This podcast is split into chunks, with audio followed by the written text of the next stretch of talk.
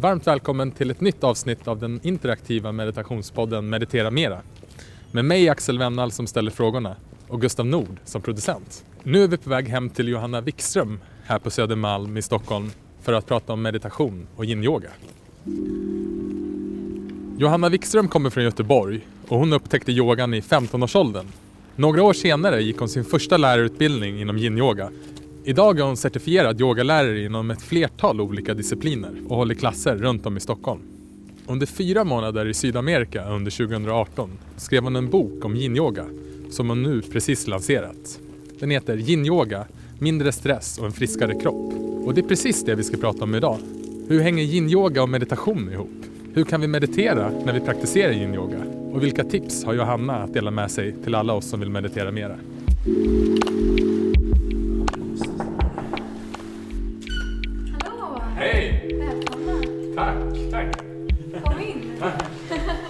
Jag är helt förbluffad. Jag har bott här. Det är sant! Ja, det är i den här lägenheten. Skämtar du? Hej, vad kul att vara hemma hos dig Johanna. Tack för att du fick komma hit. Men tack för att ni kom. Mm. Jättekul.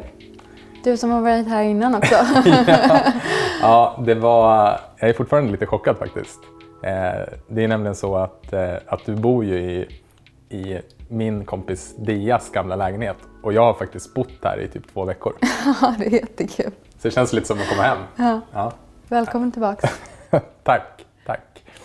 Innan vi sätter igång eh, vårt samtal om yin-yoga och meditation så tänkte jag att vi skulle göra en liten kort landningsmeditation.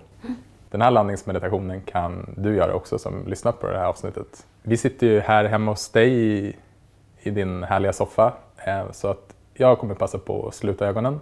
Men om du är på språng eller gör någonting annat där du behöver din, eh, hålla din uppmärksamhet eh, med synen så fortsätt göra det. Idag så eh, ska vi bara vända vår uppmärksamhet till vår tyngd. Till det faktum att gravitationskraften drar oss neråt. Så var någonstans kan du uppleva det här? Kanske är det i dina fotsulor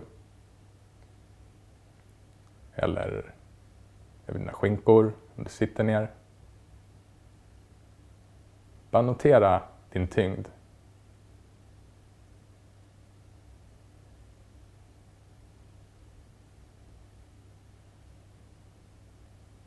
Om du märker att din uppmärksamhet dras bort så bara vänd tillbaka den.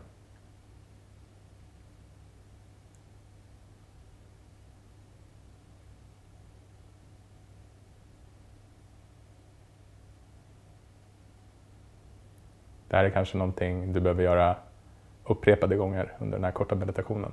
Bra. Då blir du medveten om att du dras bort. Övningen ligger i att vända tillbaka uppmärksamheten till känslan av tyngd.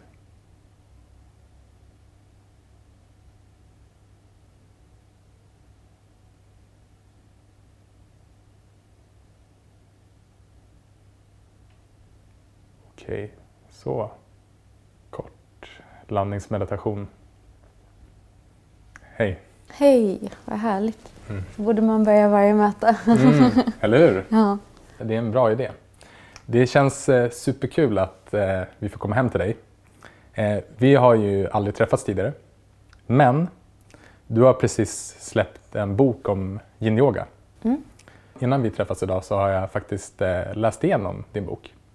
Jag har inte eh, gjort alla dina övningar, men jag har läst igenom det mesta och jag skulle verkligen vilja gratulera dig till en enormt välskriven och bra bok.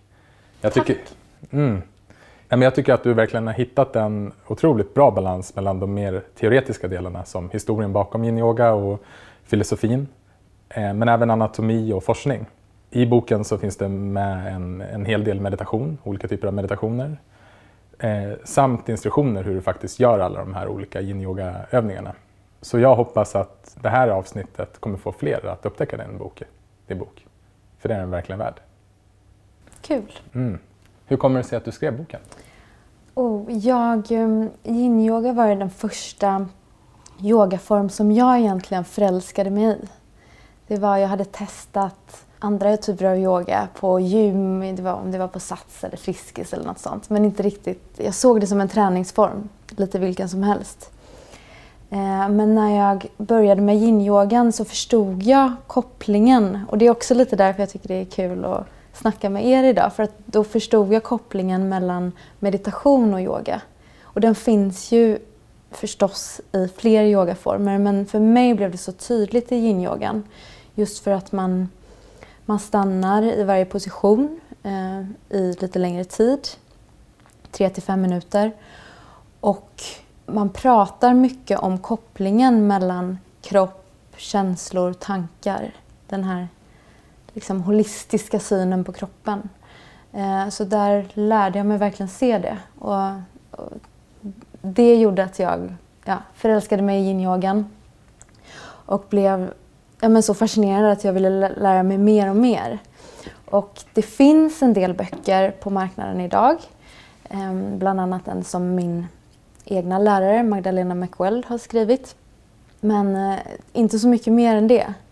Eh, sen finns det mycket böcker på engelska, de är supertjocka och det är ofta män som visar positioner som är helt omöjliga för en vanlig människa, även för mig. Eh, så att jag kände väl att jag ville skriva en bok som jag själv hade velat ha när jag började utforska yin-yogan. Och även som, som många av mina elever har eh, frågat efter, där jag inte riktigt haft något svar. När skedde det här? Hur, eh, när skrev du boken? Oh, jag började planera boken för eh, ungefär ett och ett halvt, två år sedan. Alltså började egentligen bara visualisera att jag, att jag skulle skriva en bok. Och vad skulle den i så fall innehålla? Och läste mycket andra yogaböcker och tittade efter vad tycker jag är bra, vilket upplägg och så vidare. Och sen så tog jag och min kille chansen och tog tjänstledigt i fyra månader och reste till Sydamerika. Det här var då ja, men i slutet av förra året. Så vi var borta i fyra månader och så skrev jag boken under tiden. Så att det var ganska, det var inte så mycket semester utan jag gick liksom upp, ja, jag gick upp sex på morgonen och så satt jag och skrev till tre på eftermiddagen och sen gjorde vi något och så gick jag ut och käkade middag på mm. kvällen. Så det var ganska mycket jobb men det var väldigt, väldigt kul. Du nämnde att det var yin-yogan som fick dig att förstå kopplingen mellan yoga och meditation. Men hur, eh, hur kom du in på meditation och yin-yoga från första början? Mm. Men jag tror faktiskt, som jag har hört lite i era tidigare avsnitt som jag har lyssnat på också, att många som börjar med yoga gör det kanske för att de, de går igenom någon slags livskris eller de kraschar på något själv, sätt själva och upptäcker att de behöver något annat eller de behöver leva på ett annat sätt än vad de gör. Och jag känner igen mig själv mycket i det, att jag har alltid varit en så väldigt prestationsinriktad person som liksom alltid gått i, ja, kört på i 200 procent. Ja, duktig i skolan, alltid jobbat sedan jag var jätteliten och eh, gjort allting enligt boken. Så jag fick rätt tidigt problem med eh, utbrändhet, eh, Eh, haft en del depressioner, problem med ätstörningar och sånt. Eh, så att jag, eh, jag har träffat många psykologer och det som hjälpt mig bäst är KBT. Och de använder en del tekniker som kommer ifrån meditationen, eller mindfulness-tekniker och så. Så att den, det ledde mig in på en mindfulnesskurs som jag gick. Och jag, jag tyck, trodde inte alls på det i början. Det kändes så här, uff, slöseri på min tid. jag, kan, jag kan ta mig ur det här på ett annat sätt, på ett, liksom, um, ett mer uppstyrt sätt. Men, men jag blev jätteförälskad i det där uh, och började utforska fler meditationstekniker. Jag gick ganska länge hos eh, Vipassana-gruppen borta på Erstagatan. Jag började utforska fler typer av eh, Eh, meditationstekniker. Och därifrån blev vägen till yin-yoga ganska naturlig. Jag hade en kompis som var yogainstruktör. Så jag gick på några yin-yoga-klasser på Yoga Shakti här i Stockholm. och tyckte det var superhärligt. Också den här, att man får den här kopplingen. Jag tyckte att det var lite lättare än att meditera. För I den meditation jag hade testat så handlade det mycket om att rensa huvudet på tankar. Att liksom sitta ganska tom. Och i yinyogan så fick man med sig kroppen som ett meditationsobjekt. Så istället för att bara sitta med tankar och känslor så kunde man använda de kroppsliga sensationer som dök upp i en position till att förankra sig i nuet. Så att där, där blev jag helt hooked. Och så, och så några år senare då så gick jag min första lärarutbildning inom yin-yoga. Och idag är du lärare inom yin-yoga och ett par andra praktiker? Ja, jag, jag har mest fokus på yin-yoga fortfarande. Så jag har, ja, men jag har fyra klasser i veckan, bara tre av dem är yin-yoga. Okay. Så en flow-klass. Okay. Kan inte du eh, berätta för, för de som kanske inte har gått på ett yin-yoga-pass mm. vad det är? Ja, eh, yin-yoga är en eh, lugn form av yoga i bara sittande och liggande positioner. Och du stannar i varje position i 3 till 5 minuter. Det är riktmärket. Sen är det liksom plus eller minus. Men där någonstans. Och det gör vi för att Dels för att vi vill att det parasympatiska nervsystemet ska kicka igång. Det här lugn och ro nervsystemet som är aktivt också när vi sover och när vi äter i lugn och ro och sådär. Och för att vi vill hinna hitta närvaro och nå en lite djupare meditation. Så att eh, det, är, det är väldigt härligt, man hinner se väldigt mycket. Och sen rent kroppsligt så handlar yin-yoga om att, och det har dykt upp på lite senare år, vi, vi jobbar inte med att sträcka ut våra muskler utan vi jobbar med att sträcka ut vår bindväv och göra vår bindväv mer rörlig. Och bindväven är som ett, det är som ett liksom tredimensionellt rutnät som finns i hela kroppen och omger alla muskler, leder, ligament. Eh, och man har inte vetat så mycket om bindväven tidigare. Man har inte kunnat se den på röntgen. Men nu med lite modernare teknik så har man kunnat identifiera att den existerar i kroppen. Och också kunnat se att den förändras allt eftersom vi blir äldre. Så på en ung person så är bindväven väldigt eh, flexibel och fuktig. Och när vi blir äldre så stelnar den här bindväven. Och man har inte förstått tidigare heller vad, vad gör man åt det här? Finns det något sätt att motarbeta att den stelnar, att den blir hård och att kroppen därmed blir hård? Och då är yin-yoga faktiskt ett ganska effektivt sätt att jobba med bindväven. Så det är liksom en bindvävsträningsform. Betyder det här att yin-yoga är mer lämpligt för äldre personer? Det är en bra fråga. Alltså, det finns olika anledningar till att eh, bindväven stelnar. En anledning är ålder. Ja. Men det är också, den blir också stel när du utför till exempel mycket explosiv träning. Så du går på gym eller crossfit eller ute och springer. Då stelnar den. Inte alltid stretch vanliga stretchövningar riktigt hjälper eller biter på den stelhet man får där. Även stillasittande. Sitter på kontor hela dagarna. Ehm, man får lite hårda hamstrings och höfterna blir tajta. Bröstmusklerna förkortas och blir lite stela för att man sitter med armarna framför kroppen. Så det är också liksom orsaker till att bindväven blir lite hårdare och stelare. Så jag, jag, tror att det är många i västvärlden och i dagens samhälle som, som eh, skulle må bra av lite yin-yoga. Mm, jag hör det. Jag tror du fick, täckte in de flesta här. ja, exakt. Ja, många igenkänningspunkter. Ja. Um, när du berättar om att man ska ligga i en ställning i 3-5 minuter. Om man aldrig har gjort det så kan ju det låta som tortyr. Mm. Och om man har gjort det så vet man att det kan vara tortyr. Mm. det kan det. Mm. Alltså mitt tips till folk som tycker det är jobbigt i början, eh, just med tålamod och sådär, det är väl att egentligen bara att hålla ut. Det kan krävas lite tid för att lära sig att gilla det. Och jag har många elever, och jag har själv känt eh, vid vissa tillfällen jag utövar yin-yoga att jag bara vill alltså, slita mig själv i stycken och springa ut ur salen och skrika ungefär. Alltså för att man, blir, man kan bli frustrerad, det väcker mycket känslor. Det kan vara frustration, det kan, bli, det kan vara irritation. Man blir arg på läraren, man blir arg på sig själv. Man förstår inte varför jag gör det här. Så det, det, är mycket känslor som dyker upp men utmaningen är lite men som i meditation. Att se det som en chans att utforska vad är det som dyker upp här. Var, var, varför blir jag frustrerad när jag ligger i den här positionen? Varför dyker det upp här?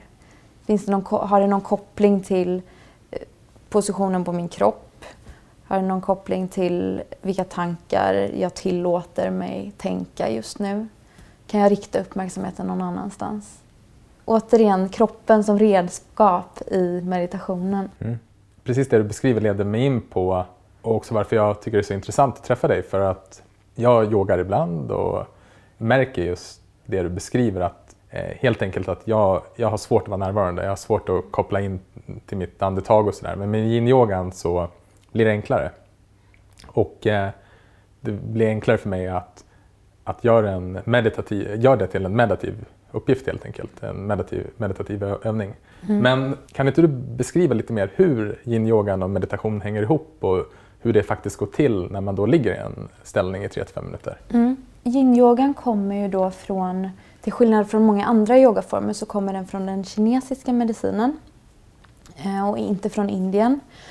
Och där pratar man, i och för sig påminner det mycket om till exempel ayurveda och sådär, men man pratar om kroppen som en helhet. Och då är kroppen inte bara din fysiska kropp utan det är även liksom din, ditt emotionella system, och dina tankar. De menar då att våra tankar, känslor och vår kropp hänger ihop. Eh, så om du till exempel är superstressad, då tenderar du säkert att agera på något sätt i din kropp. Eh, kanske drar upp axlarna, rynkar pannan, håller andan, någonting fysiskt händer när du går igenom någonting i tanken eller i känslan. Det de menar då inom kinesisk medicin är att på samma sätt som en tanke eller känsla kan påverka din kropp kan du påverka dina tankar och känslor med hjälp av din kropp. Så genom att släppa taget om spänningar i kroppen, det kan vara med hjälp av eh, akupunktur, det kan vara med hjälp av yin-yoga. De, de, har olika metoder för det här. Så kan du också släppa taget om tankar och känslor som är kopplade till de spänningarna. Och ibland så menar de då att det kan skapas obalanser i kroppen eh, på grund av kanske att du har haft en stark känsla under lång tid, ilska, oro, det kan vara glädje som har satt spår i kroppen till slut så når du en punkt där du kan inte bara släppa den här känslan och så blir det bra. Utan du måste gå på det kroppsliga för att kunna gå vidare i tanken och känslan också.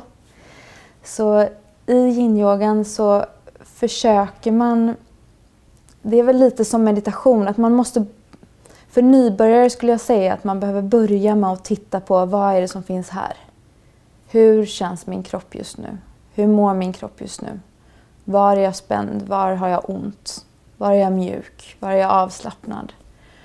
Och vilka tankar har jag? Vilka tankar är återkommande, sådana smultrontankar som man har om och om igen? Och vilka eh, tankar är nya, dyker upp här och nu? Samma sak med känslor. Och sen när man har liksom kartlagt sig själv, då kan man börja se kopplingen. Vad händer om jag slappnar av lite till här? Vilka tankar faller bort då? Vad händer när jag går in i den här positionen? Um, vad är det kopplat till för känslor? Så de menar ju också då att olika positioner är kopplade till olika organ, olika organ är kopplade till olika känslor. Så det är olika teman man kan gå in på i yin-yoga-klasser och det, det blir lite olika avancerad nivå då beroende på hur insatt man är sedan tidigare. När man hör det här om olika balanser i kroppen och organ så kan eh, det, kan, det låter lite främmande för mig också. Ja, jo. Det Men kan kännas lite flummigt. För min del så vet jag inte om det kanske det finns så flummigt, men mera att, eh, att jag kanske inte riktigt kan förstå. Nej. Men det här går ju att erfara på olika sätt. Så eh, hur är det för dig när du yin-yogar och hur, hur upplever du det här du beskriver om som man inom den kinesiska medicinen har, har liksom tagit fram? Alltså mycket av det jag, jag kan inom yin-yogan har jag också testat på eller liksom upplevt på ett eller annat sätt. Jag tror att annars, för mig är det i alla fall så att det fastnar liksom inte om jag inte går igenom det själv. Men ehm, det jag kan märka väldigt tydligt är att beroende på hur ett yin-yoga-pass ser ut, vilka positioner det innehåller, så dyker olika typer av känslor upp i mig. Och det, det låter lite så, det låter lite... Ja, det är svårt att beskriva men gör jag till exempel ett pass med väldigt mycket bakåtböjningar, höftöppnare, då kan det dyka upp ganska mycket rädsla, oro. Så att det, det finns någon slags koppling. Mm. Medan jag tycker att det är mycket mer lugnande med pass med mycket framåtfällningar och vila i barnets position, fjärilen. Okay. Där man känner sig lite mer skyddad, inte lika utsatt. Så att för mig finns det tydliga kopplingar mm. så och jag försöker ju, när jag håller klasser så försöker jag eh, även jobba med ett filosofiskt tema där jag beskriver liksom, vad man kan tänkas känna under just den här klassen och så. Eh, men samtidigt vill jag ju hålla det öppet för att det är väldigt individuellt var man står i livet, hur man mår just idag, vad man går igenom och det påverkar ju också förstås vad som dyker upp. Mm. Men då, till exempel när vi är i en ställning, man ligger och det blir ganska påfrestande, men det, det jag har liksom sett när jag själv är inyogar att, att det går att översätta den typen av attityder som jag har med mig när jag sitter och mediterar i med liksom, min sittande meditation rakt in i yin-yogan. Mm. Jag brukar prata om fyra attityder som som jag har med mig. Och den första är nyfikenhet. Att, precis som du beskriver, att kunna vara nyfiken och gå in i kroppen. Vad är det faktiskt som händer? Mm. Hur påverkar, det, hur påverkar liksom den, här, den här smärtan eh, mina tankar och mina känslor? Vad mm. händer? Mm. Och den andra är eh, att vara snäll mot sig själv. Att kunna vara snäll mot sig själv i, i den situationen. Mm. Eh, och också när man försvinner bort i tankar, att kunna vända tillbaka dem. Mm. Och den tredje är acceptans. Att kunna helt och hållet kunna acceptera smärtan och inte ha motståndet. För, för mig så blir det väldigt tydligt att problemet är sällan den själva fysiska smärtan utan att jag är emot att jag har den fysiska smärtan. Mm. Och den fjärde som är svårast men som också ger mest effekt det är att försöka ha någon typ av sinnesjämvikt. Att försöka ha någon typ av mental balans som då hänger såklart ihop med acceptans men att även när det blir en behaglig känsla, att bara kunna ha den här öppna, men, öppna rymden i mitt medvetande, att kunna bara vara, vara med det som är. Mm. Så där ser jag att det finns en väldigt tydlig koppling mellan, eh, och, och, i din bok så beskriver du lite grann också om hur du lär ut yin-yoga och mindfulness tillsammans lite grann. Kan inte du berätta lite mer om det? Jo, men jag känner igen mig jättemycket i i det du berättar här. Det, det, känns som att jag skulle kunna ge exempel från, från alla de fyra. Så nyfikenheten, jag får, jag får påminna mig sen om jag glömmer bort någon. Men nyfikenheten det är någonting jag alltid uppmuntrar till under klasser. Att om det dyker upp någonting som känns obehagligt till exempel i den här positionen. Kan du försöka isolera vad är det som känns? Var i kroppen känns det? Har känslan något centrum? Om du skulle beskriva känslan för dig själv eller för någon annan, hur, hur skulle du beskriva den då? Med någon färg, någon form, har den någon temperatur, någon tyngd? Alltså gå in och liksom intressera, istället för det här som du sa, motståndet och försöka du vet, låta musklerna komma till undsättning och spänna sig och vilja ut, tänka, försöka tänka sig ut. Så gå in och titta på intresse med det som händer det, det är rätt spännande faktiskt. Man lär sig mycket där. Så det var en. Och sen nummer två. Det var... Snällhet. Just det, att vara snäll mot sig själv. Precis. Och den är också hela tiden. För att yin-yoga är... Eh, det är en yogaform som är snäll. Men man måste göra den snäll. För att vissa positioner kan man dra sig in i och vet, man spänner, man sträcker, man strävar för att komma djupare, för att kunna böja sig längst fram i klassen. Och då blir det liksom inget bra. Utan man måste bestämma sig för att jag kommer respektera min kroppsgränser i den här positionen. Först då så gör positionerna också verkligen effekt. För när vi spänner musklerna då, då, då tappar vi det här fokuset på bindväven. Så den där är jättebra, att lyssna på kroppen. Och det kan kännas olika. Du kanske kom djupare ner igår. Men det är annorlunda idag av någon anledning. Så att hela tiden lyssna liksom, och vara schysst. Och sen den tredje punkten med acceptans. Att, precis, att acceptera det som dyker upp i en position. Att acceptera om man får jobbiga känslor eller tankar, om man vill springa ut ur rummet eller man vill slå någon eller slå sig själv eller något. um, men att acceptera det och titta på det här som det du nämnde med att titta på, sitter motståndet i kroppen eller sitter det i sinnet? Och ta med sig det liksom. För att smärta kan förstärkas väldigt mycket av ett psykiskt motstånd. Så försök titta på okay, hur stor del av det här är en faktisk smärta som är så jobbig att jag vill springa ut härifrån. Och hur stor del av det sitter i mitt sinne. Vad händer om jag liksom vevar ner motståndet? Vad händer om smärtan förändras den någonting? Blir den mer uthärdlig? Så att den, den biten också jätte, jättebra verktyg i yin Och sen det sista, att försöka ha ett, ja, ett sinnestillstånd som är, som är som det är.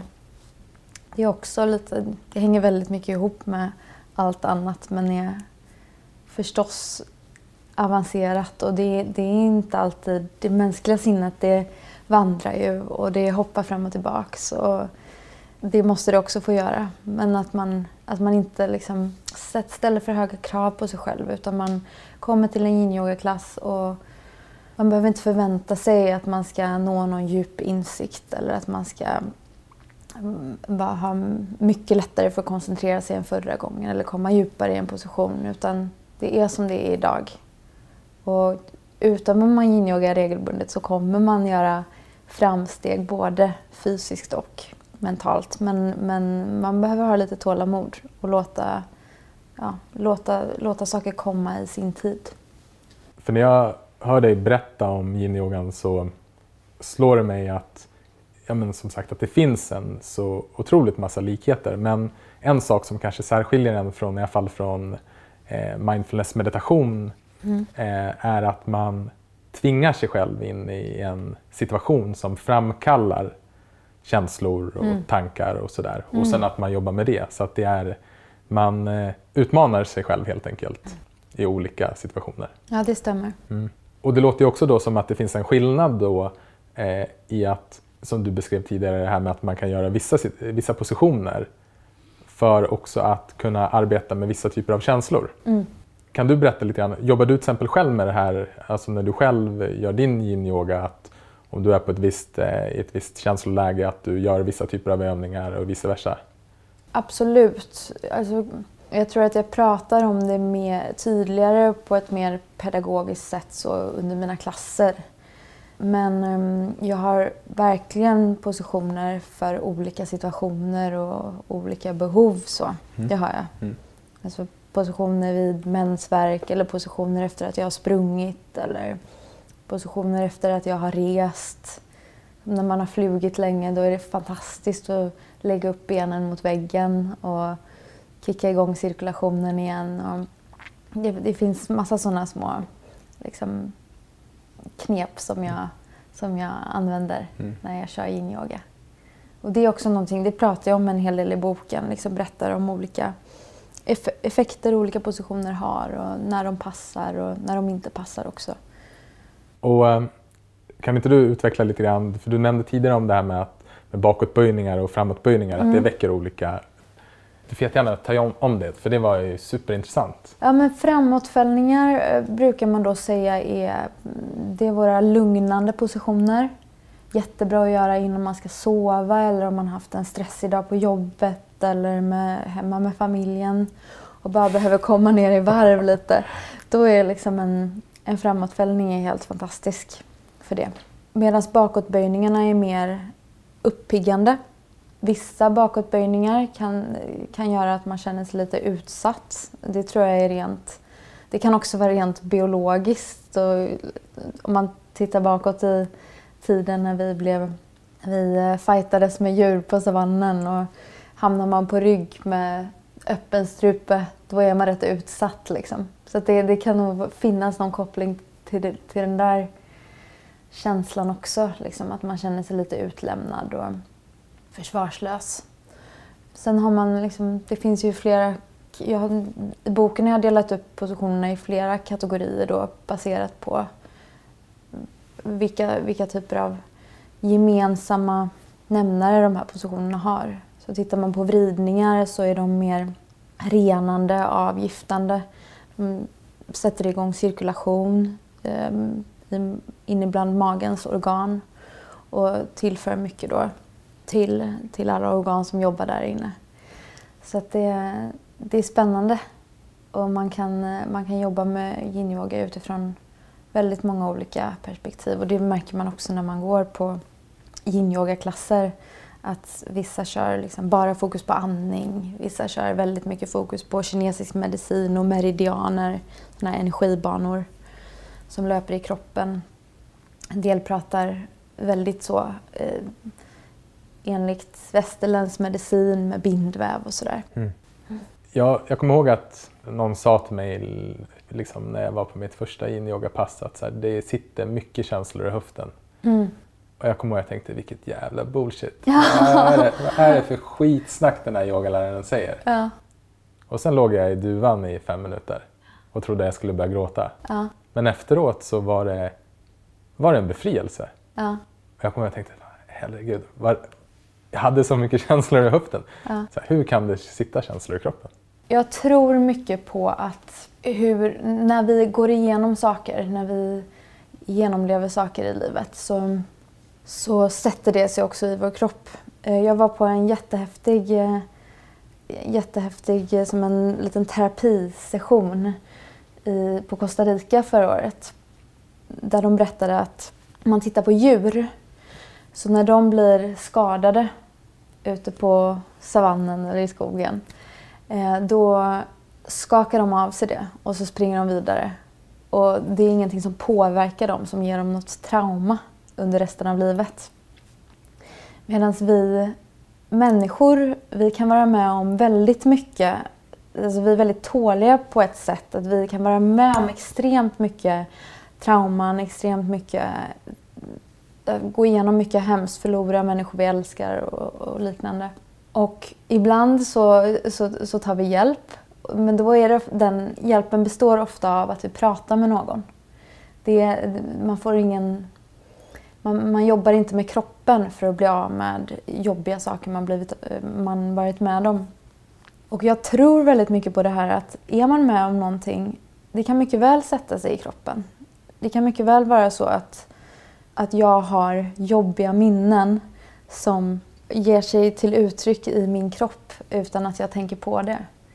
Eh, men även på kortare sikt tror jag att jag, det kan vara så att jag går igenom någonting under dagen på jobbet eller, eller liknande som har gjort att jag har spänt mig eller jag har slutat andas eller jag har suttit mer spänt med benen eller benen i kors hela dagen för att jag känner mig obekväm. Och det är också saker som kanske från början har triggats av en viss känsla eller en viss situation. Så hur ska vi arbeta bort den känslan när den känslan har passerat? Jo, men då kanske det handlar om att gå in i kroppen och jobba rent fysiskt med den för att det här ska för att vi ska kunna släppa taget om det. Då. Ja, jag, jag, jag tror att det här är en, en av de här klassiska grejerna som man, man behöver uppleva för sig själv också. Mm. Um, man, man, måste, oavsett om en känsla sitter i eller kroppen eller inte så, så är min erfarenhet att det är väldigt frigörande att kunna vara i en position länge och att känslan är att det släpper. Mm. Det finns någonting som släpper vad, vad det än är. Mm. Men om du fortfarande som lyssnare är skeptisk så, så säger jag bara du får testa att ligga i en utmanande ställning i fem minuter och se om det blir för dig. Vad som dyker upp, exakt. Du kommer definitivt få en del att jobba med det i alla fall. Mm. Mm. Hur, eh, vad ger du för råd till de som gör yin-yoga och som eh, ja, men har då liksom, eh, fysisk smärta som uppkommer? Hur, hur mediterar man på det? Ja, alltså för det första ska man väl säga att eh, viss typ av alltså sån här elak smärta, huggande, stickande smärta i ländrygg eller knän och så, det vill vi ju alltid undvika.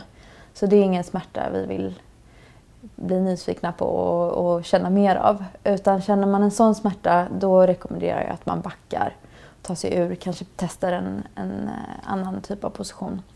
Eh, men om man jobbar med ehm, bindväven så uppkommer det ofta mycket smärta i början för att vår bindväv har cirka tio gånger så många smärtreceptorer som våra muskler har. Så att det är inte konstigt att det känns mycket men det är ingen farlig smärta. Så jag tror bara den vetskapen brukar hjälpa ganska många. Att det är inte farligt.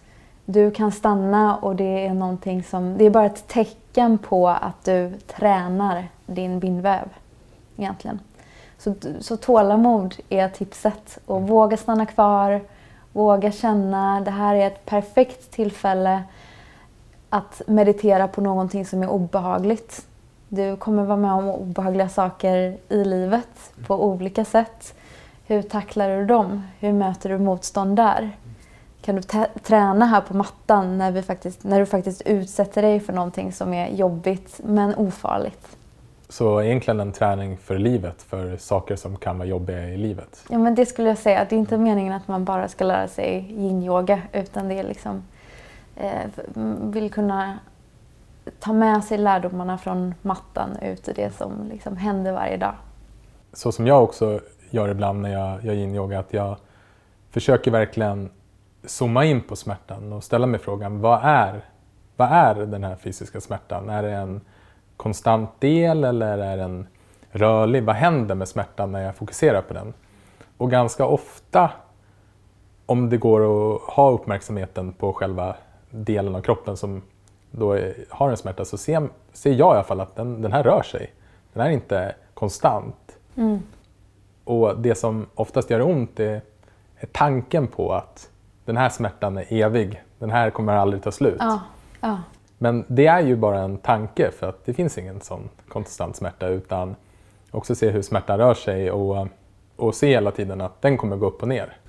Och, och det någonstans, det, det jag tänker att yin-yogan verkligen kan hjälpa oss med och är ju att skapa den här liksom mentala flexibiliteten att kunna vara med sånt som är, precis som du säger, som är obehagligt ja. på ett eh, på ett, liksom, ett lite distanserat sätt. Att så här, vi kan fortfarande zooma in på det, mm. men vi behöver inte identifiera oss med smärtan. Nej, men det är faktiskt sant. Och det, är också ett, det blir också ganska tydligt i yin-yogan att så här, ja, men det som har en början, det har kanske en peak, men det har också ett slut. Och det, det blir väldigt tydligt. Vi går in i en position, vi stannar x antal minuter och vi kommer ut. Och det släpper. Det är liksom ingen smärta som du, du kommer inte gå runt och ha superont i höfterna hela dagen efter en eh, höftöppnare i yinyogan. Utan det släpper när du kommer ut. Och det är också en väldigt härlig känsla efteråt att bara ge sig själv en halv minut efter en position och känna in vilken effekt har den här positionen på min kropp nu. Vi pratar mycket om den mentala aspekten och jag tänkte att vi bara snabbt skulle gå in på den fysiska aspekten också. Mm. Även om det kanske har mindre att göra med meditation så tycker jag det är väldigt intressant och spännande om bindväven och är det fascian som den, mm. som den heter. Mm. Och du nämnde precis det här med att den har tio gånger, som, eh, tio gånger fler eh, smärtreceptorer. Mm. Hur, liksom, hur tränas den upp och vad, vad händer med den ju mer vi, vi praktiserar yin-yoga? Jo, men som jag nämnde innan så, så, så, så, är det som ett tredimensionellt nät inuti hela vår kropp. Som en liksom Spindelmannen-dräkt som omsluter allt och inuti allt. Och omsluter, vad omsluter den då? Muskler, leder, ligament. Den finns även inuti muskler, leder, ligament, inuti organ. Så överallt. Och bindväven är uppbyggd så att det går som bindvävsslingor över vår kropp. Så vi har till exempel bindvävsslingor som löper från uppifrån pannan ner längs hela baksidan kroppen, fäster under fötterna. Så det betyder till exempel att om vi jobbar med en fotsträckarposition där vi sträcker ut bindväven under fötterna, då kan vi, då kan vi minska ryggont, vi kan minska spänningshuvudvärk för att vi mjukar upp en del som är kopplad till ja, toppen av kroppen. Eh, så det, det, det som händer rent eh, praktiskt då, som man kunnat se nu på röntgen, är att när vi stannar så pass länge i en position och sträcker ut bindväven, då är det som att det bildas små, små sprickor i bindväven som gör att blod och annan vätska i kroppen kan ta sig in. Och eh, den åt, man kan säga att den återfuktar bindväven då och skapar mer plats och den blir mer elastisk. Eh, och det här arbetet, arbetet är också någonting man har sett att till skillnad från vanlig stretching så är det mycket mer långsiktigt hållbart. Att vi gör faktiskt, eh, en, vi tränar bindväven på ett sätt som, som kommer hjälpa oss inte bara nu utan också på sikt framåt i livet. Är det därför man också behöver då ligga de här ställningarna i 3-5 minuter? Är det först då som de börjar spricka? Ja, rent, rent fysiskt så, så är det så. Mm. Så att det, det finns många fördelar med att stanna lite längre. Mm. Men det är roligt för att um, yin-yogan kommer som jag sa från den kinesiska medicinen. Och de, började, de, har, börjat, de har pratat om, eh, om energibanor i kroppen i hundratals, kanske tusentals år. Som de kallar för meridianer som också löper längs med kroppen. Eh, där det då flödar energi. Och man har kunnat se på senare år, nu när, vi har, nu när man har kunnat identifiera vår bindväv eller vår fascia, att de här meridianerna mappar ganska väl emot var bindvävsslingorna ligger. Mm. Så, att, så att det tycker jag blir liksom, det, för mig blev det ganska, för jag är lite så vetenskapligt lagd och gillar liksom att saker är konkreta och att det finns bevis och sådär. så att för mig så blev det en ögonöppnare. Mm. Att aha, att, ja vi jobbar med vad de kallar för meridianerna i mm. den här positionen. Och det, det blir konkret på något sätt när man tänker sig bindvävsslingorna och hur de liksom dras ut och mjukas upp och skapar cirkulation. Och den här cirkulationen är kanske vad de då pratar om som energi som flödar i kroppen. Du sa också att, eh, att de har tio gånger fler smärtreceptorer. Mm. Eh, kommer det här minska? Eh, jag frågar åt en kompis nu. Bra fråga. Det vet jag faktiskt inte. Nej, jag tror mer att när man... Alltså det, det man... Så här, det, det gör väldigt, ofta väldigt ont med yin-yoga i början. Men den där riktigt intensiva smärtan man känner de första gångerna man går in i en position, den försvinner ganska snabbt. Eh, meditation på, på känslor är ju en av de absolut svåraste meditationerna för det är så lätt att vi dras med. Mm. Du skriver i din bok att eh, en känsla håller bara i sig 90 sekunder mm. om vi inte föder den. Mm. Hur har du upplevt det här? Jag vet, jag kommer ihåg att jag um, under meditation eller under en mindfulnessklass att jag, jag, jag upplever att jag känner mig väldigt arg. Och i och med att jag hade en guide då som, som ledde den här eh, övningen så vilade jag bara med den där ilskan. Det, kanske, det hade jag förmodligen inte gjort om jag blev arg på någon eh, i trafiken eller jag vet inte, någon annanstans. Men där och då så accepterade jag bara att där är den där ilskan. Och helt plötsligt så, så var den borta. Och det var någonting jag kom på efteråt, efter klassen. Så jag bara, men gud vad hände med den där ilska jag kände. Den bara, den, den dök upp. Jag, jag var lite med den och sen försvann den. Och det tycker jag var, det, det var en sån cool upplevelse mm. i efterhand. Sen är det väl sånt man, det kan man ju känna i vanliga livet också men där blev det väldigt tydligt. Blev det, för att det var så kalt på annat. för mig så har jag märkt att de två sakerna som hjälper mig mest med negativa känslor är först språket. Mm. Att gå från att, vi tar känslan av ilska till exempel, att gå från att, att jag liksom bekräftar för mig själv att jag är arg mm. till att faktiskt säga till mig själv att okej, okay, nu har du den här känslan i kroppen. Att vända på det perspektivet, att gå från identifikation till att se att det här är någonting som uppstår just nu i mitt medvetande. Och den andra delen är att väldigt, väldigt tydligt gå till, till kroppen, vart det sitter. Vart sitter den här känslan? Var, hur manifesteras den? Eh, och det, det samband, sambandet är ju väldigt tydligt att kunna se vart det är. Mm. Eh, och sen, precis som, som du ser att, som du hade i din upplevelse, att bara verkligen bara kunna acceptera att nu är den här. Och de gångerna jag lyckas bara vara med, vara med den och kunna vara på den här bevittnande platsen så är min erfarenhet också att, att här, den försvinner ganska snabbt. Mm.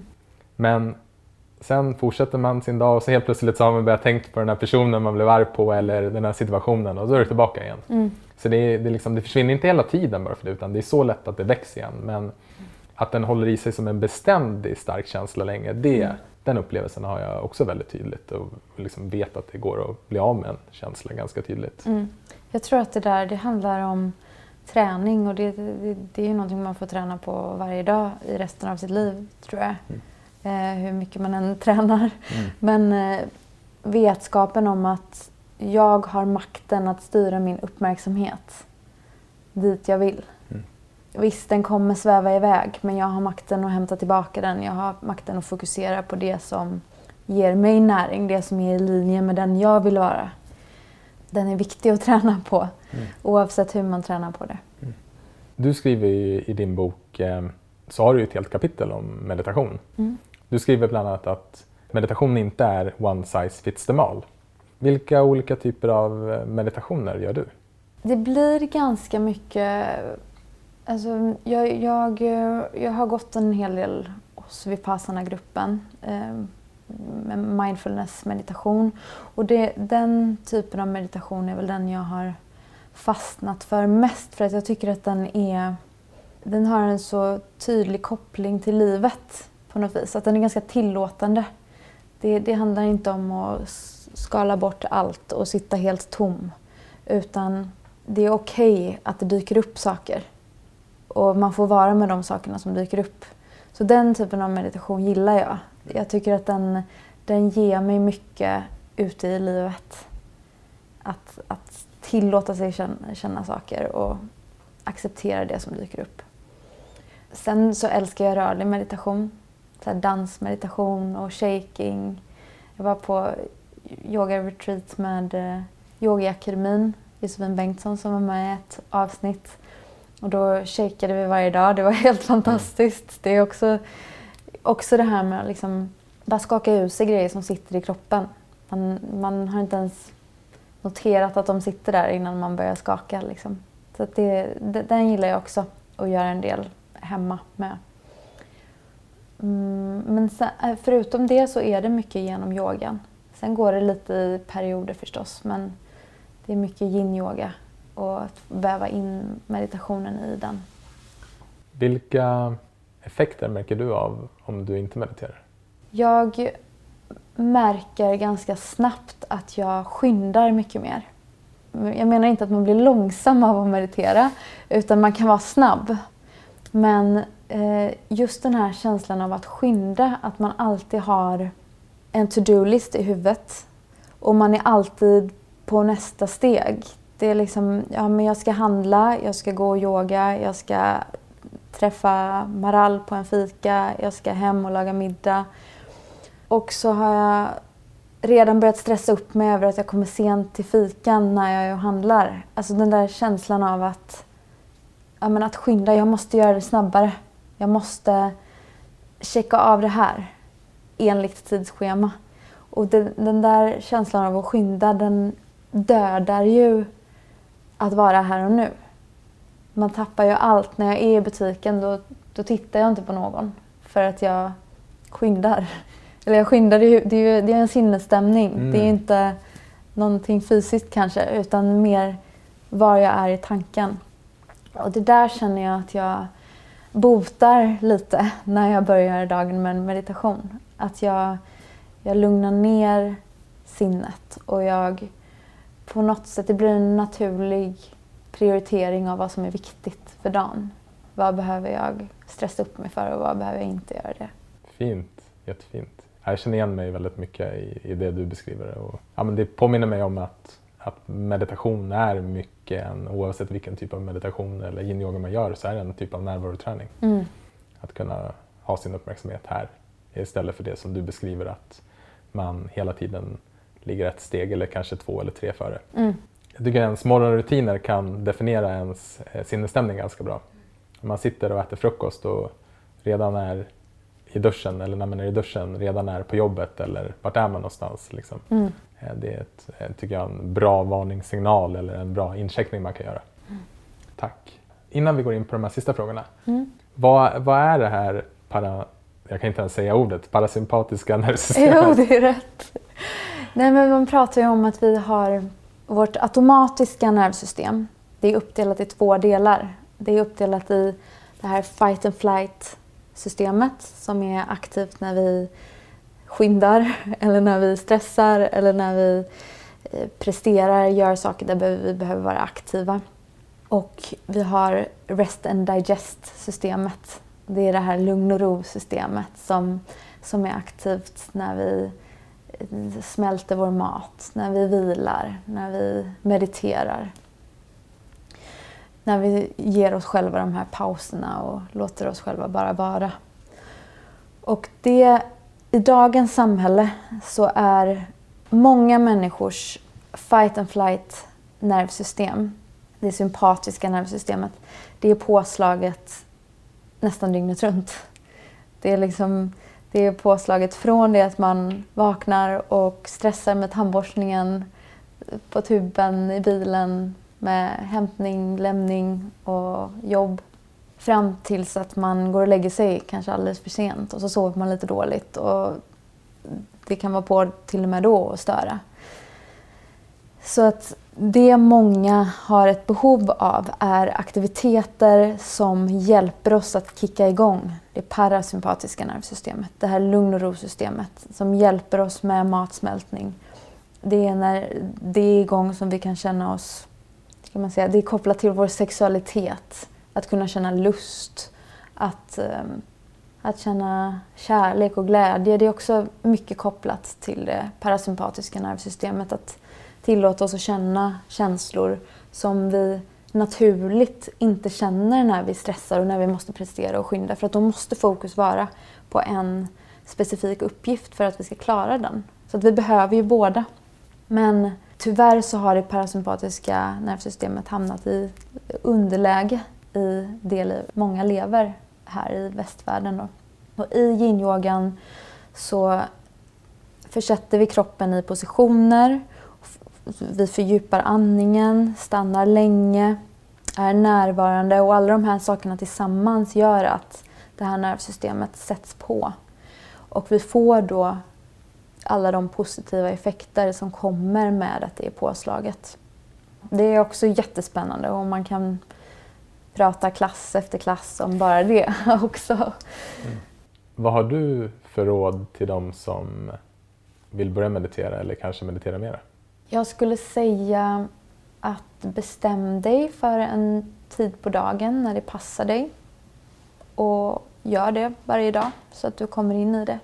Så att det blir en vana. Någonting som du gör oavsett vad som händer runt omkring. Och hell hellre en kortare stund än att du säger till dig själv en halvtimme om dagen. För då kanske det inte alls blir av. Som när man ska införa vilken ny god vana som helst. Att bestämma sig för att där och då ska det ske. Och så bestämmer man sig för det. Har du en vana idag att du mediterar varje dag? På morgonen, ja. Det gör jag. Men jag skulle gärna göra det mer än vad jag gör. Det blir ofta en, en kort stund innan frukost. Kommer du ihåg hur det var att bygga vanan? Hade du var det en utmaning för dig eller hade du en så stark beslutsamhet och, eller kanske till och med en så stark smärta så att du kunde sätta en vana direkt? Nej, jag har nog, jag är inte den som har mediterat varje dag sedan den dagen jag testade det första gången. Utan det har nog gått lite upp och ner. Men jag märker väldigt starkt att när jag håller mig till vanan så mår jag mycket bättre. Så att det är absolut en, en målsättning jag har för mitt liv att fortsätta med. Mm. På tal om det här med att hålla, har du några liksom, små tips eller knep för att meditera och att kunna göra det ännu mer lustfyllt att faktiskt ta sig den här tiden? Mm, ja, men det är väl då att, eh, men att utforska, läsa lite om olika meditationstekniker och hitta någon som du tycker passar dig. Eh, lite som vi var inne på innan, att jag tror inte att det finns en, en typ av meditation som passar alla utan ja, men välj någon som du tycker verkar intressant och utforska den. Och sen kan man ju gräva sig djupare in i... Jag har kompisar till exempel som håller på mycket med tantra-meditation och de är ju helt frälsta av det och gräver sig djupare och djupare och då, då finns det ju liksom en, eh, en utveckling i de meditationer man gör. Det behöver inte vara samma lika alltid utan att man ja, gör det till ett litet intresse mm. att, att eh, utveckla sig inom inom någon meditation som du gillar? Jag har märkt att för egen del så de kanske två viktigaste komponenterna att hålla upp min, min egen vana är dels att sätta en intention mm. eh, som jag försöker göra i samband, det kan vara innan eller efter jag har mediterat. Av, eh, alltså en önskan, vad, vad liksom är det bästa som kan hända av att jag har mediterat? Och där ser jag alltid till att involvera de människorna runt omkring mig, de som jag vet att jag ska träffa, att eh, det, har verkligen, det ger mig verkligen energi att, att eh, komma ihåg att jag också mediterar för, för att kunna vara så närvarande som möjligt för andra mm. i, i möten. Mm. Och sen ser jag alltid till att tacka mig själv. Och det har jag också märkt att det, det ger verkligen effekt att, eh, att påminna sig själv att, eh, att man har tagit sig den här tiden och, och egentligen gett sig själv en, en gåva eh, så att man hittar de här, de här inre belöningarna egentligen, eller den inre intentionen, den inre belöningen.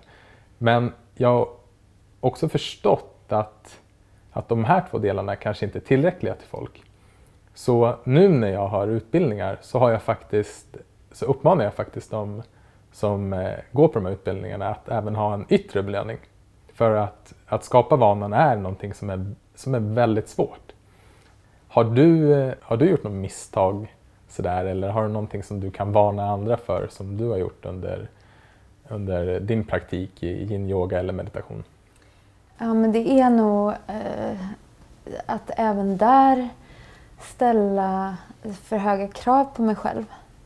Jag tror det beror förstås på hur man är som person. Men min, mitt, det som orsakat mig mest problem så i livet är väl att jag har varit lite för hård mot mig själv det har också i vissa perioder tagit sig uttryck i yogan. Kanske jag tycker att ja, men i yin-yogan att, att, man push, att jag pushat mig själv lite för mycket. Eh, det kan ju bli för mycket även där om man inte respekterar kroppens gränser och sådär. Vill komma längre. Också när man undervisar så känner man att det, det här borde jag ju kunna göra om jag ska undervisa i det. Så att, så att det där så här, ja, men ge sig själv tillåtelse att vara som man är och ta ett steg tillbaks när det behöver. Man har bra dagar och man har dåliga dagar. Och, och ibland behöver man utmana sig själv för att det är något bra och ibland behöver man faktiskt ta ett steg tillbaks. Och nu ska vi få meditera här med dig. Ja. Och idag så, du kom ju med den briljanta idén att vi ska göra en meditation in i en yin-yoga-position. Jag tänker det. Ja, Mm. Berätta, mm. vad tänker du att vi ska göra idag? Ja, men det blir en ganska eh, mild position. Vi kommer eh, meditera i barnets position. Och jag tänker även med stöd. Så vi har bolsters här som vi kan använda. Eh, om, om du är hemma och inte har något bolster att tillgå så funkar det ju med kuddar eh, under kroppen. Bulla upp några filtar. Sen går det ju också att följa meditationen om man ja, är på språng eller man kan bara sätta sig på en stol någonstans. Det är mycket som går att plocka upp, mm. eh, även om man inte är, är, i barnets position. Då. Right. Och, och sen, är, sen tänker jag att vi, ja, men vi kommer ta med oss det här kinesisk medicinperspektivet eh, och den holistiska synen på kroppen med eh, tanke, känsla, kropp och, och försöka titta på alla de delarna. Spännande. Mm. Ska vi meditera? Det gör vi. Härligt. Inta plats på din matta eller om du bara har en filt hemma så funkar det ju också så länge det inte känns för hårt för dina knän. Och vi kommer komma in i barnets position med lite bredare isär mellan knäna. Eh, så låt knäna komma isär och låt stortårna mötas bakom kroppen. Kom sedan bak med sittbenen mot dina hälar och placera bolstret mellan låren så att du drar in bolstret så att när du, vil, när du lutar dig fram så vilar du hela överkroppen på bolstret. Alltså från magen hela vägen fram till kinden eller tinningen. Och placera armarna framför kroppen. Händerna, handflatorna vända ner mot mattan. Och sen är det så, som i alla yin-yoga-positioner så behöver du inte känna att oh, nu har jag tagit mig in i en position, nu, nu måste jag stanna blickstilla här. Utan du är fri att röra på dig så att det känns bra för din kropp. Kanske testa att bredda lite mellan armarna. Vad får det för resultat? Vad får det för effekt i din rygg, i dina axlar? Ändra avståndet mellan knäna. Vad händer då i ländryggen? I höfterna, i låren?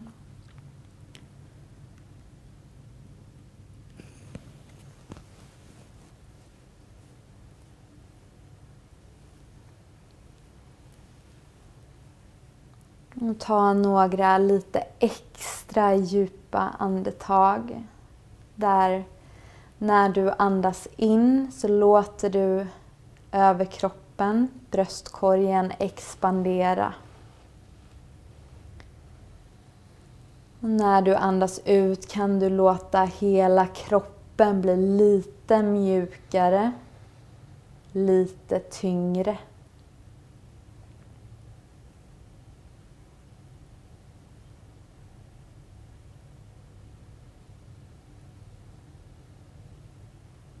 Börja sedan med att rikta din uppmärksamhet mot ditt mentala system. Vilka tankar finns där just nu?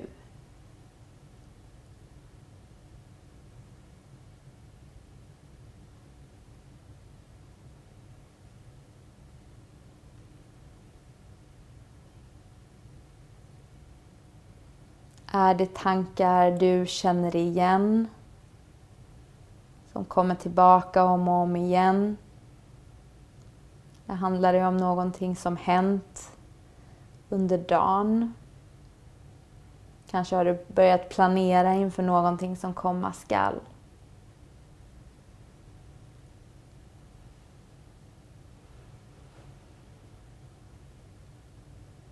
Om du utan att döma dig själv, bara med nyfikenhet titta på vilka tankar finns där nu.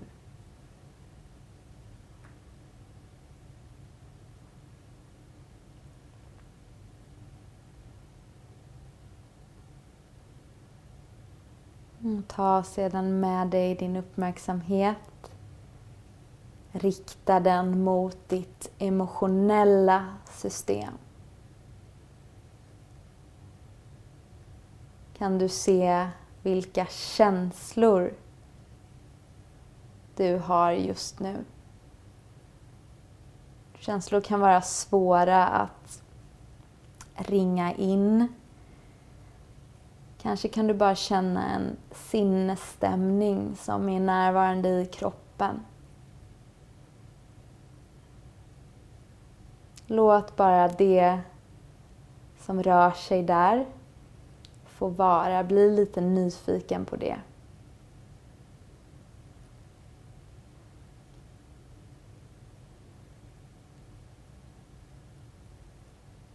Kan du se någon koppling mellan dina tankar och de känslor du har?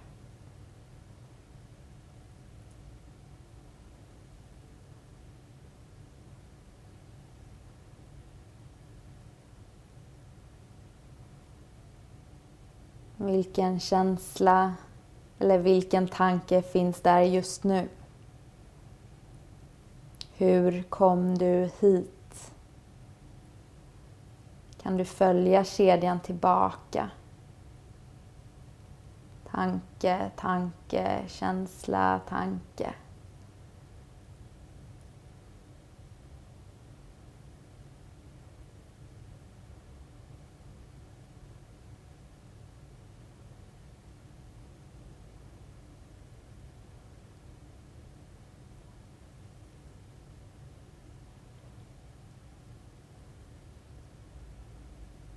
Vi flyttar uppmärksamheten en gång till, denna gången till ditt fysiska system, till din kropp.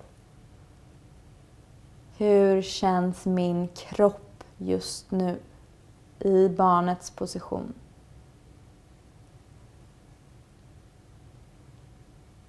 Tung, lätt, mjuk, stel, har jag ont någonstans?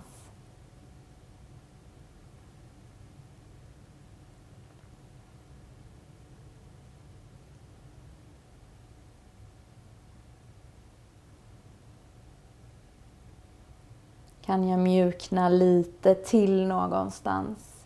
Pannan, området kring ögonen, käken.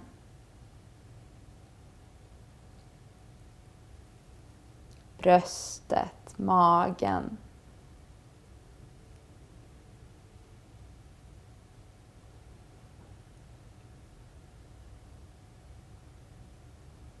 Hur känns andetaget inuti kroppen?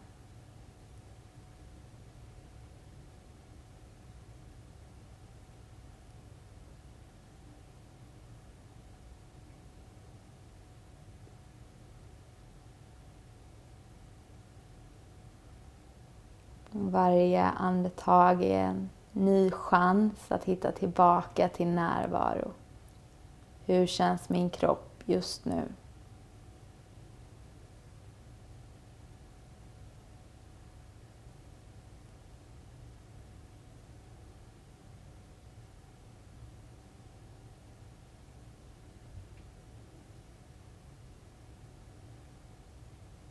Kan du mjukna lite lite till någonstans i kroppen.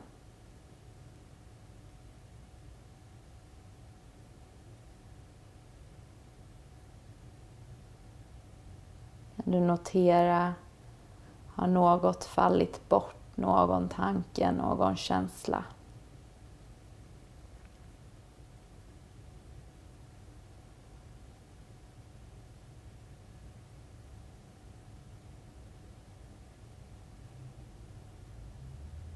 Och släpp sedan taget om uppmärksamheten på kroppen.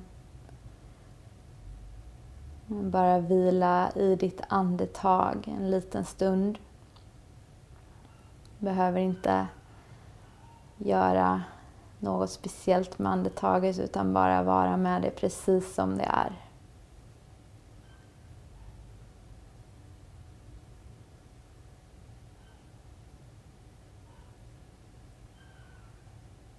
Ta sedan tre stycken lite djupare andetag.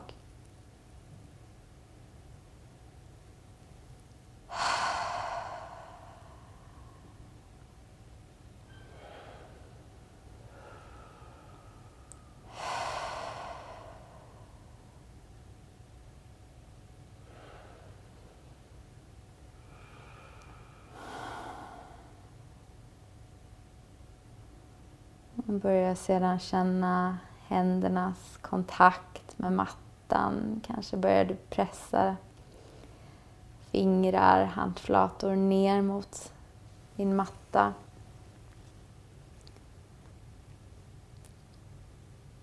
Och långsamt i din egen takt ta dig tillbaka upp till sittande.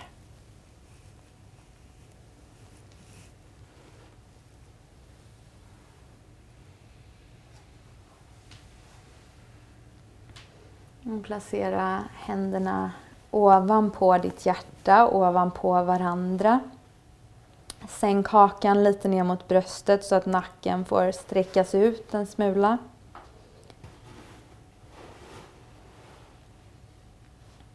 Och med fortsatt slutna ögon bara låt andetaget växa in i dina händer.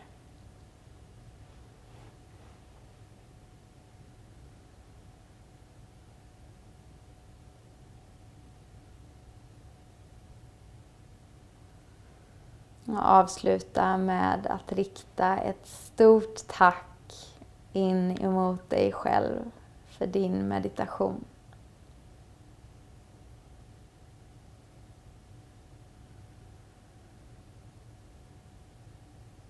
Tack. Den absolut bästa delen av det här jobbet är att få bli bortskämd med så här fina meditationer. Ja. ja, det är fint. Det är fint att kunna dela också med andra.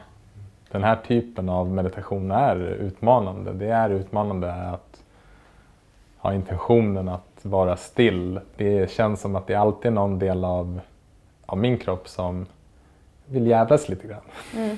Mm. Ja, det är en, verkligen en bra övning i att kunna acceptera det som är och, och vara med det. Precis. Och fem minuter är ju inte, det är ju inte en oändlighet heller. Så det, det är ett bra, bra sätt att träna. Mm. Även om det ibland det. känns som en evighet. ja, så kan det kännas. Tack för att eh, vi fick komma hem till dig idag. Tack för att du har berättat och eh, i alla fall lärt mig väldigt mycket om yin-yoga, om fascian och hur yin-yoga och meditation hänger ihop. Har du något tips på, på någon gäst som du skulle vilja att vi intervjuade i Meditera Mera?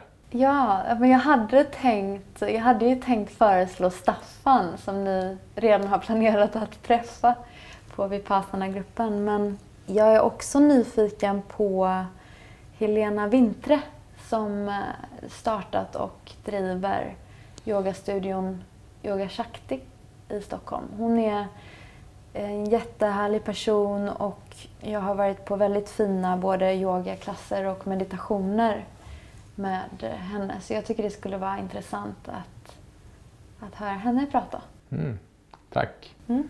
Och om man eh, är nyfiken på dig och ditt jobb och din bok, hur kommer man lättast i kontakt med dig?